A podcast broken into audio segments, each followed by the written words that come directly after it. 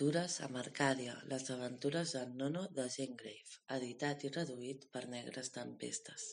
Capítol 9 Ja feia una bona temporada que Nono estava a autonomia i li semblava que el temps havia passat com en un somni, en calma feliç, en treballs i plaers variats, que impedien un sol instant de tedi als nens. En Nono Coneixia ja tots els companys pel seu nom, sabia qui i què eren els seus pares i d'on procedien. La major part del temps, les hores d'escola les passaven a la gespa dels jardins, però per variar s'havia projectat fer ja alguns dies un llarg passeig a través dels boscos que envoltaven el país d'autonomia. Finalment, el dia assenyalat va arribar. La vigília es van fer tots els preparatius necessaris per l'excursió, que havia de ser al mateix temps una edició d'història natural. Feien falta martells per arrencar trossos de roca, pales per arrencar d'arrel les plantes que haurien d'estudiar o portar autonomia, xarxes per agafar els insectes al vol i tot el que en aquests casos utilitzen els naturalistes. Els queviures s'havien posat en sacs o sarrons que els nens portarien a l'esquena. A més, cadascú portaria penjat a la cintura un saquet, un pot i un gotet de llauna. Quan tots van estar disposats, es van posar en marxa, de bon matí, abans que els abraçadors raigs del sol causessin molesta fatiga. La iniciativa, un altre geni protector d'autonomia, germanada na Llibertat i na Solidària conduïa la columna.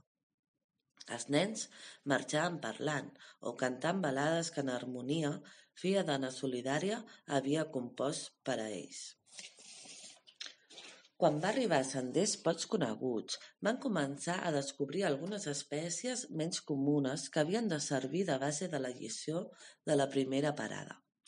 Allà, cadascú es va dedicar a cercar novetats al llarg del camí, sota les mates, entre les roques, tenint cura de marxar sempre en direcció al punt de parada. En Nono va descobrir formoses flors en forma de got de coll, prolongat, i va córrer ràpid i sufocat a mostrar la seva troballa amb Botànic, un dels seus professors dient «Miri, senyor Botànic, quina bonica gàbia de mosques acabo de trobar!» I va entreobrir acuradament una de les flors, que estava trencada, i malgrat les seves precaucions es van escapar dues o tres mosques de reflexos verds i daurats. En Botànic va agafar les flors i posant-se les ulleres d'or damunt del nas va dir Aquesta és l'Aristoloquia clementitis, de la família de les aristolòquies, i no una vulgar caixa de mosques. El que us ha pogut fer creure això és que, en efecte, quan aquesta planta floreix, la flor adopta una forma que deixa penetrar-hi petits insectes semblants als que veieu presoners. Però veieu aquests pèls plantats en sentit diagonal al llarg del coll, a l'interior de la flor i apunta que es dirigeix cap al fons? I acompanyant l'acció a la paraula, els mostrava l'interior de la flor oberta. Doncs mentre la flor no està fecundada, va continuar dient el professor, aquests pèls, que permeten fàcilment l'entrada de les mosques, els impedeixen després sortir-ne, fent l'efecte d'una trampa. Les mosques, agitant-se a la recerca de la llibertat, deixen caure sobre els estigmes de la flor el pol·len que portaven de l'exterior i una vegada fecundada, els peus, pèls cauen i deixen escapar les presoneres, però abans s'obren i deixen anar el pol·len que contenen damunt les mosques i aquestes els duen a les altres plantes. Els va mostrar una altra flor en un estadi més avançat en la qual, en efecte, els pèls de l'interior estaven caiguts. En Botànic era un ésser original que feia poc que habitava autonomia.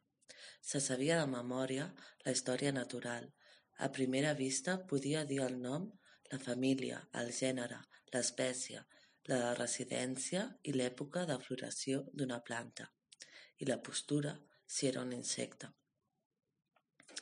Era un veritable diccionari ambulant, però fora de la història natural era d'allò més càndid. Les seves mans eren maldestres, incapaces de qualsevol feina. Si, per exemple, volia ajudar els altres habitants de la colònia, era estrany que no tingués algun accident. A la taula, ajudant a posar un cobert, feia caure i esmicolava una pila de plats o abocava sobre les estovalles una o dues gerres de llet. Quan no, la seva ajuda era innecessària sempre perquè arribava tard i els seus retards moviments produïen l'efecte d'una mímica ridícula. En un principi, els nens van intentar de fer-li comprendre que sense la seva ajuda farien les coses més de pressa. Però en Botànic, en el seu afany de mostrar-se servicial, persistia a servir-los a tots quan l'ocasió es presentava, de manera que els autonomamis es resignaren a prevenir i evitar sinistres sempre que se'l veia amb ganes d'activitat. Abans de presentar-se a Autonomia, ocupava una plaça de professor de fisiologia vegetal en un laboratori de París. Si hagués tingut tan sols una partícula d'ambició, una mica de flexibilitat de l'espina dorsal, si hagués sabut afalagar els homes de poder i hagués posseït l'habilitat necessària per donar una falsa interpretació a les veritats que es desprenien de les seves lliçons, és indubtable que hauria obtingut una alta plaça de grans honors i beneficis. Per absorbit per la seva passió preferida, l'estudi, no donà importància a aquelles petiteses. Gaudia extraordinàriament quan podia classificar alguna espècie nova o quan descobria un tret ignorat dels costums d'algun insecte. Més d'una vegada, en el curs de les seves lliçons, li passava que formulava noves idees que deduïa dels seus estudis per aplicar-les a la vida social, de manera que, amb freqüència, es trobava en contra de les teories que obliguen a ensenyar als homes que manen. En botànic no ho feia, ni molt menys per esperit d'oposició. La veritat sigui dita, sovint es posava les idees més subversives sense adonar-se que formulava una forta crítica contra la societat on vivia, però aquesta senzillesa no els treia gravetat per la mateixa veritat científica que reforçava. Per això mateix, places distingides, honors i suculentes pagues anaven a parar a col·legues menys competents, la ciència dels quals consistia més en lliçons apreses de memòria que en estudis personals, i els quals sabien disfressar les veritats quan per casualitat es trobava en les seves lliçons. El resultat va ser que un dia, sota el pretext de l'estalvi, es va suprimir la càtedra d'en botànic per així deslliurar-se del professor molest. En botànic va entrar després en un liceu on s'ensenyava la ciència oficial als fills d'aquells a qui es denomina classe directora. Però tampoc va saber o no va voler contenir la seva llengua. I com que al mateix temps era d'un caràcter molt indulgent, no sabia pronunciar paraules severes i, encara menys, castigar aquells bailets que remolaven a la vista del seu anterior professor, al qual els mortificava amb lliçons recarregades, males notes i els impedia de sortir, i no van trigar a, burlar-se del nou, fins al punt fer-li bromes passades i respectuoses, cosa que va servir de pretext a la direcció per fer-lo fora. Na Solidària, que el coneixia, el va fer anar a autonomia i va posar a la seva disposició plantes, insectes, instruments i tot el que necessités per als seus estudis amb la sola condició d'ensenyar als altres el que sabia.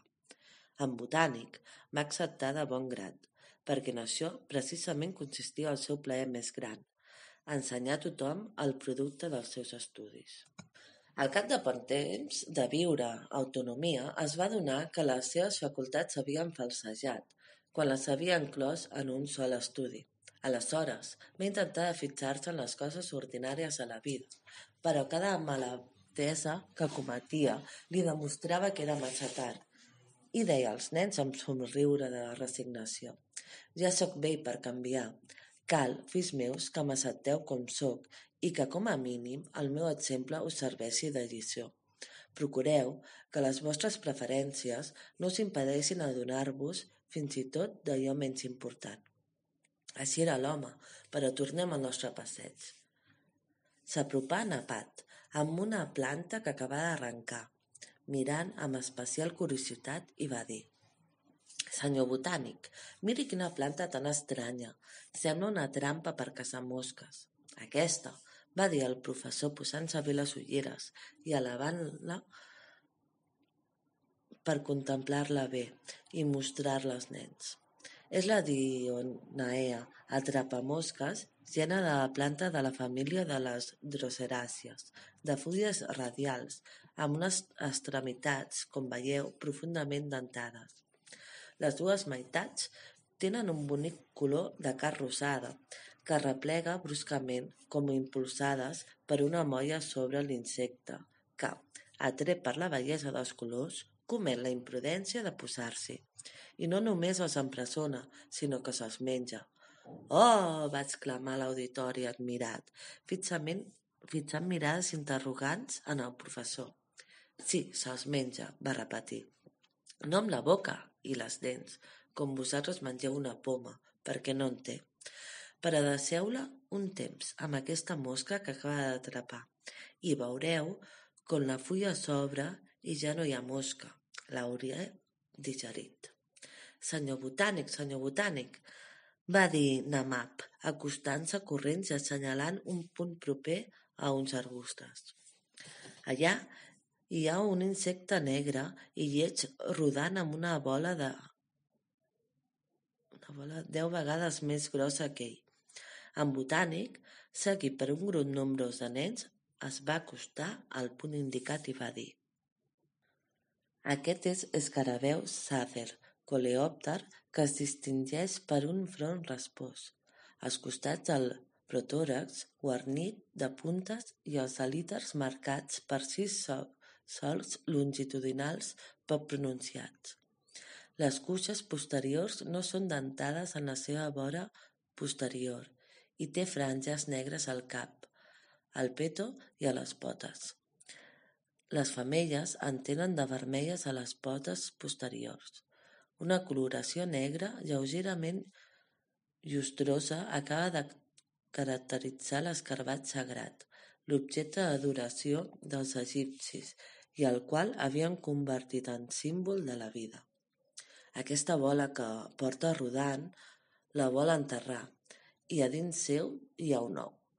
Quan l'embrió s'haurà covat, el primer que farà és menjar-se el bressol, format per les parts més delicades d'aquesta bola, que veieu triturat aquest estol d'escarbats de diverses menes, que tenen ben merescut el nom de martívors que se'ls dona.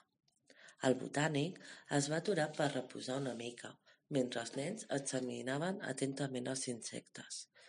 Se'ls veia, en efecte, remoure enmig aquella pasta viciosa i assistien a la confecció de la bola que tant havia xocat els nens. Un escarbat sagrat atreia sota el seu ventre la matèria que havia triat i feia una primera mà formant el nucli de la, de la bola. Després la feia rodar i acabava arrodonint-la afegint-hi matèria gradualment. Si tinguéssim temps, va dir en Botànic que ja havia reposat, podríem seguir aquest insecte en la seva tasca. Se n'ha vist alguns que feien boles grans com una poma i fins i tot com el puny. Després podríem admirar l'enginy amb què la fa rodar fins al lloc on ha decidit enterrar-la. Després, podria ser que es trobés algun dels seus congèneres que, sota al pretext d'ajudar-lo, s'apoderaria del fruit del seu treball, com passa entre els homes. Per això ens ocuparia massa temps i cal que prosseguim el nostre camí. I a poc a poc els nens es van escampar pels camins, a través dels esbarzers i de l'arbreda, a la recerca d'alguna curiositat, aturant-se de tant en tant perquè els endarrerits es reunissin amb ells. Després d'algunes hores de fer aquest exercici, els nens van començar a sentir gana i van arribar a un bonic prat entapissat de finíssima herba, al centre del qual s'elevava un cedre magnífic. A sota s'hi va instal·lar l'escola ambulant. No gaire lluny d'allà, ombrejada per una enorme salsa, brotava una font pura i fresca, on van anar a proveir-se d'aigua per barrejar-la amb els excel·lents licors fabricats amb els fruits que es cullen a autonomia. Tragueren les provisions i foren entregades a la canalla, ja cansada i afamagada. Un cop la quitxalla ja tornava a estar exuberant i plena d'energia, assetjaren amb tota mena de preguntes i peticions anar solidària, en Botànic i Iniciativa. En Botànic, per la seva banda, no tenia temps per respondre a tot sobre el nom d'una planta, la seva classificació, la utilitat de tal o tal òrgan, les seves propietats i particularitats.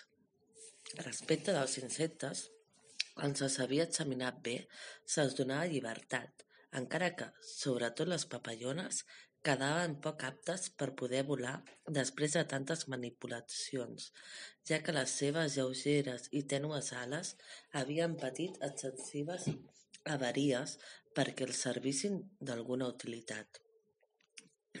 Na Solidària havia recomanat molt eficientment que no s'agafessin més animalons, només aquells dels quals es tenia absoluta necessitat, i que per caçar-los es desplegués la màxima destresa per no inutilitzar les seves ales.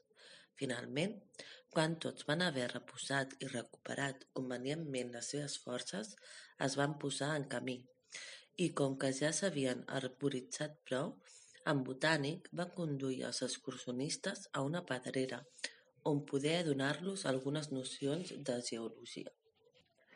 Era una pedrera de sorra a cel ras, al fons de la qual es podia baixar. En Botànic es va fer observar que la massa de terra estava formada per diverses capes de colors i materials diferents, i va explicar que aquella diferència era deguda a la confluència de molts factors, que eren dipòsits formats per les aigües i que s'havien acumulat lentament. La formació de cada capa requeria milers i desenes de milers d'anys. Cavant, després de la sorra, van tenir la sort de descobrir alguns sílex tallats pels homes primitius perquè servissin d'instruments, d'eines o d'armes i que en botànic ja havia esmentat en altres excursions. Aquesta vegada el vas mostrar com es reconeixia un tallat intencionat, dibuixant les diferents formes dels talls que es coneixia desenterrar una roca de sílex i amb una altra pedra gruixuda i rodona va intentar oferir algunes nocions sobre com se suposava que s'ho manegaven els nostres avantpassats per obtenir aquestes fulles llargues, primes i tallants per les vores i en ganivets, i aquestes altres amples, gairebé quadrilangulars, designades amb el nom de destrals. Però amb totes les temptatives no va aconseguir res més que obtenir mostres molt imperfectes i informes comparades amb els objectes descoberts. No obstant això, aquelles mostres van servir per donar idea del mecanisme de l'operació i en botànic va atribuir la seva imperfecció a la falta de costum, perquè les facilitats de la vida actual ens inutilitzat de tal manera que si ens veiéssim obligats a tornar a les condicions de l'home prehistòric necessitaríem una quantitat enorme d'esforços intel·lectuals per fer el que ell feia amb un cervell rudimentari. Més lluny s'aixecava un dolmen, en botànic, va conduir els seus deixebles cap allà i els va fer observar el pes enorme de les grans pedres amb què estava fet. A França, va dir, s'ha atribuït la seva construcció als gals i s'especula que són els altars on feien els seus sacrificis. Però si bé els gals el van fer servir per aquest fi, actualment se sap que existien molt abans que ells i que eren els monuments funeraris d'un poble desconegut que ha deixat també la seva empremta a Europa i Àfrica. Excavacions practicades a l'interior han permès descobrir estris i instruments coetanis dels homes que tallaven la pedra. Però es feia tard i arribà a l'hora de tornar. Precipitadament es va fer una lleugera col·lació de les restes de menjar i es van prendre alegrement i per grups el camí cap a autonomia.